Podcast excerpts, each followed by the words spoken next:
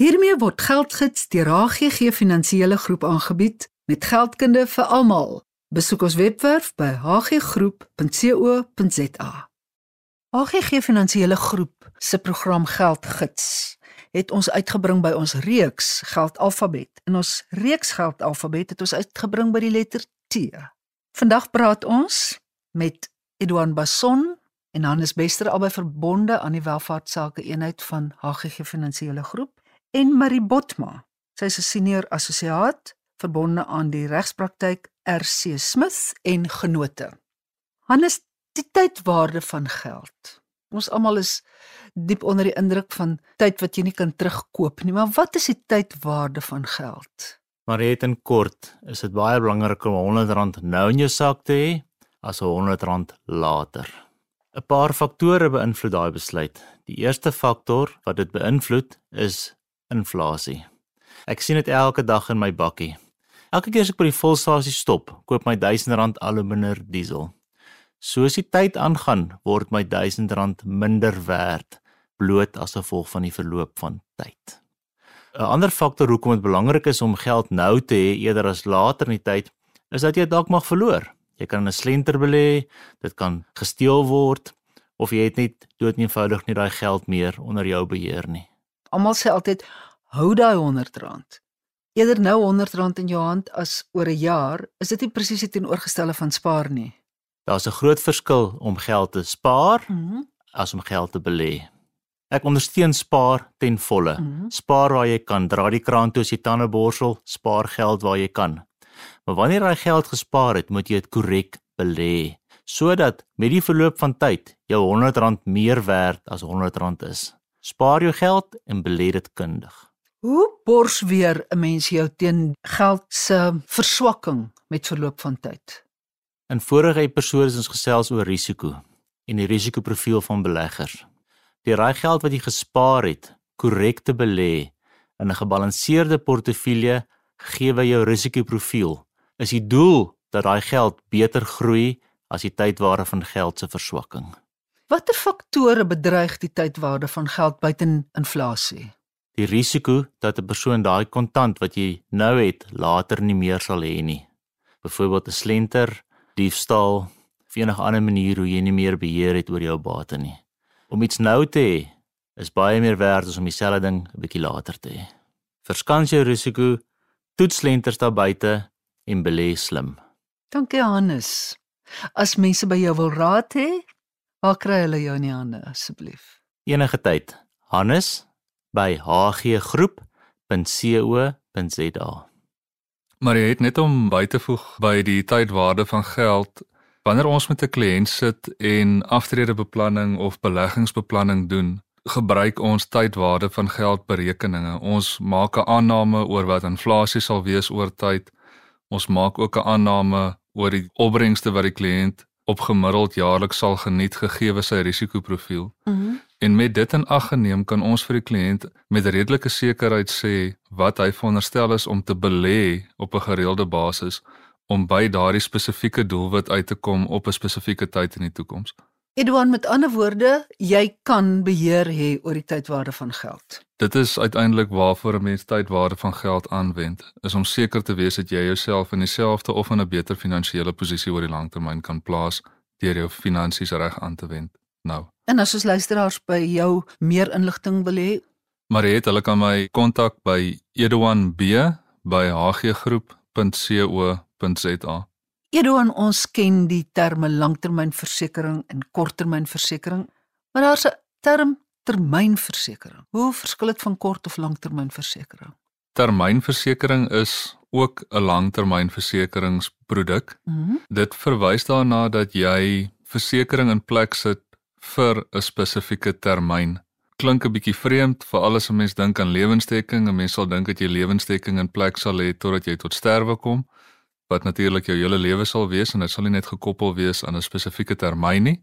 Die praktiese aanwending van termynversekering gestel ek gaan 'n lening aan of jy leen by my geld en jy moet daardie geld oor 20 jaar terugbetaal, dan sal ek vir jou sê of ek sal aandring daarop dat jy lewensdekking in plek sit, maar jy gaan net daai lewensdekking nodig hê vir die tyd wat jy vir my geld skuld. So dan sal termynversekering 'n baie gepaste oplossing wees en ons sit termynversekering in plek wat jou lewe verseker vir die volgende 20 jaar en dan is die lening afbetaal en dan het jy ook nie die lewensdekking meer nodig om 'n sekuriteit te bied vir daardie lening nie. In watter gevalle is termynversekering van toepassing? Baie gereeld wanneer dit kom by finansiering, wanneer mense aansoek doen uh, vir finansiering en daai finansiering is vir 'n spesifieke termyn. Baie kere uh, wanneer mense eiendom koop, sal die bank tevrede wees met net die eiendom as sekuriteit vir daardie lening, maar as ek en my vrou same eiendom kooplik het dat sy moet aanbly in die eiendom indien ek tot sterwe sou kom, so dan is dit natuurlik belangrik om lewensdekking in plek te sit om die verband te delg. Ons sien so gereeld dat paartjies net die helfte van die verband se waarde verseker mm. sou een van die twee tot sterwe kom want dan sy helfte van die verband mos nou afgelos. Ja. Die bank gaan na die tyd kyk of die gade wat agterbly op sy of haar eie sal kwalifiseer vir die uitstaande bedrag van die verband. Sou daai agtergeblewene nie kwalifiseer vir die uitstaande bedrag van die verband, dit kan dit natuurlik baie moeilikheid veroorsaak. So my advies is gewoonlik dat elkeen wat deel is van daardie ooreenkoms die volle waarde van die verband verseker eerder as net sy helfte in aanhalingstekens. Edouan 'n terminale siekte voordeel, wat beteken dit? Maar die terminale siekte voordeel is 'n voordeel wat gekoppel word aan lewensdekking spesifiek. En wat dit behels is as ek gediagnoseer word met 'n terminale siekte en my lewensverwagting is nie langer as 12 maande nie sal die versekeraar die lewensdekking bedrag uitbetaal aan my voordat ek tot sterwe kom. Dit gee dan vir my die geleentheid om mediese kostes of ander kostes wat opgeloop het met die behandeling van hierdie terminale siekte te kan aanspreek voordat ek tot sterwe kom of om moontlik ander reëlings finansiële reëlings te tref voordat ek tot sterwe sou kom. Is dit dan onder terminale siekte voordeel? Meerderheid van die nuwe uh, lewensdekkingprodukte wat beskikbaar is, sluit terminale siekte voordeel as 'n standaard in. Daar's nie addisionele koste daarvoor nie. Edouan, en wanneer mens aansoek doen om lewensversekering, is daar die begrip teenaanbod. Maar het ja, teenaanbod is wanneer mens deur 'n lewensdekking aansoekproses gaan, sal jou finansiële adviseur of jou makelaar vir jou 'n kwotasie doen En die kwotasie sal as 'n voorbeeld sê, uh, meneer Bason, jy het aansoek gedoen vir 'n miljoen rand se lewensdekking en ons kwoteer 'n premie van R500 'n maand om vir jou hierdie miljoen rand se lewensdekking te gee. Mm -hmm. En ek sê vir my makelaar of my adviseur, ek is baie tevrede met hierdie kwotasie en die premie en ek wil aansoek doen hiervoor en ons gaan deur die mediese vrae op daai aansoekvorm.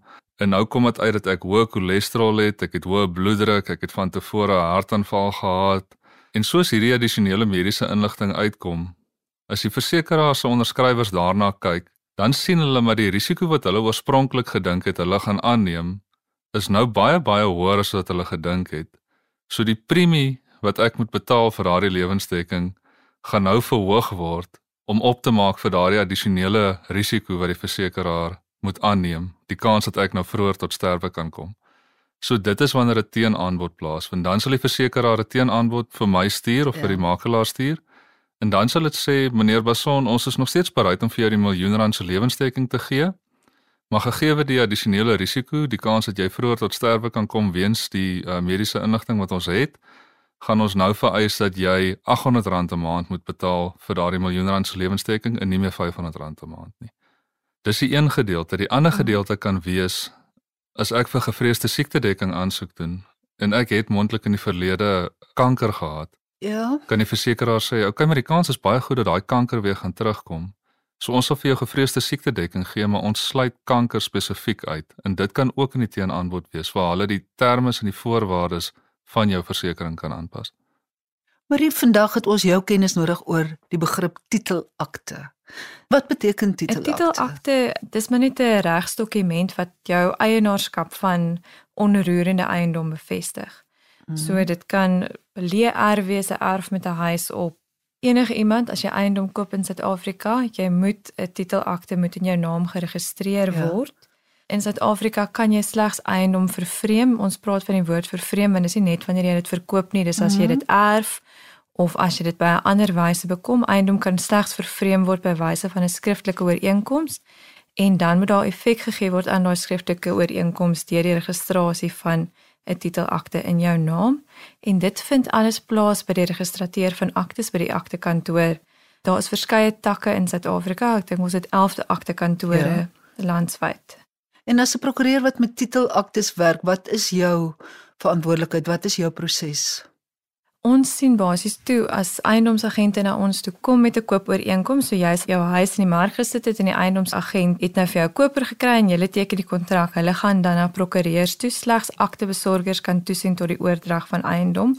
Dit is 'n prokureur wat spesiale eksamens gaan skryf het en spesifiek toegelaat is om toe te sien tot die oordrag van eiendom. So jy benodig die hulp van 'n prokureur om dit te doen. Ja. Dit is nou waar ons inkom. Ons vergemaklik daai proses, maak seker dat die nodige stawende dokumente saam met dit ingedien word dat die nodige uitklaringe gekry word by die verskeie instansies soos munisipaliteite, die ontvanger van inkomste en so meer. So dit is nou maar om kort by die oordragsproses sal behels. Slaggate, as jy vir ons luisteraars kan wys op slaggate in hierdie hele oordragproses, as jy oorweeg om 'n eiendom te koop, is die titelakte dikwels 'n baie goeie plek om te begin. Ja. Baie mense weet dit nie titelaktes is publieke dokumente. Jy kan 'n afskrif daarvan bekom by 'n aktekantoor. Daar is 'n klein koste daarin verbonde mm. om 'n afskrif te bekom. Want dit is baie belangrik partykeer om te sien wat presies in 'n titelakte staan. So van die belangrike inligting is die erfomskrywing. Dit sê vir jou die presiese grootte, oh, ja. hoeveel vierkante meter is dit wat hierdie eiendom regtig beloop wie is werklik die geregistreerde eienaar van hierdie hmm. eiendom? Is die persoon wat vir jou voordoen dat hulle hierdie eiendom kan verkoop werklik die persoon wat gemagtig is om dit te verkoop van die mark te hê? Is daar enige voorwaardes wat die eiendom affekteer? So servitiete byvoorbeeld. Servitiete kan wees 'n reg van toegang. Partykeer is dit 'n rioolpyp wat oor die eiendom loop. Presies nou daar waar jy jou droom swembad in gedagte wou grawe, kan jy nie want daar is 'n dienspad. Presies. Partykeer is dit deels van stadsbeplanningsvoorwaardes wat opgelê is oorspronklik toe die eiendom opgemeet is wat hulle gesê het jy kan nie 'n besigheid bedryf nie want oh, hulle wil ja. nie hierdie aard van die area moet verander word nie dit moet uitsluitlik residensieel bly daar is partykeer sekere voorwaardes waarvan 'n mens nie bewus is nie um, dit kan ook wees dat onderhewig is aan 'n interdik mm -hmm. dat die huidige eienaar skuld aangegaan het en nie die eiendom kan verkoop sonder toestemming nie. So dit het sekere finansiële implikasies wat 'n mens wel in ag moet neem as jy koop. Marie, baie dankie vir hierdie nuttige inligting. Kan ons luisteraars met jou in verbinding tree? Ja, enige tyd. Dis Marie M A R I by rcslaw.co.za. By gebrek aan baie geldverwante woorde in Afrikaans onder Q X Y en Z gaan ons teen die einde van geldalfabet vra beantwoord wat ons luisteraars solank vir ons kan instuur. Rig u vra aan ons spankundiges by info@hggroep.co.za. Ons sien uit daarna, dankie. Geldgids word geborg deur HGG Finansiële Groep. Kontak ons gerus by info@hggroep.co.za of 021 851 2778. Dit maak nie saak hoe oud jy is nie. Die HGG Finansiële Groep stap die pad saam met jou. As jy meer as die alledaagse verwag vir advies oor omvattende finansiële behoeftes, lewer ons diens wat jou pas. Ons bied innoverende en toekomsgerigte finansiële dienste met die klem op persoonlike kontak. Dis die verhouding tussen ons en jou wat tel. Kontak jou naaste kantoor vandag nog om uit te vind hoe jy die voordele van 'n HGG leefstyl kan geniet. HGG Welvaart is 'n gemagtigde finansiële dienste verskaffer.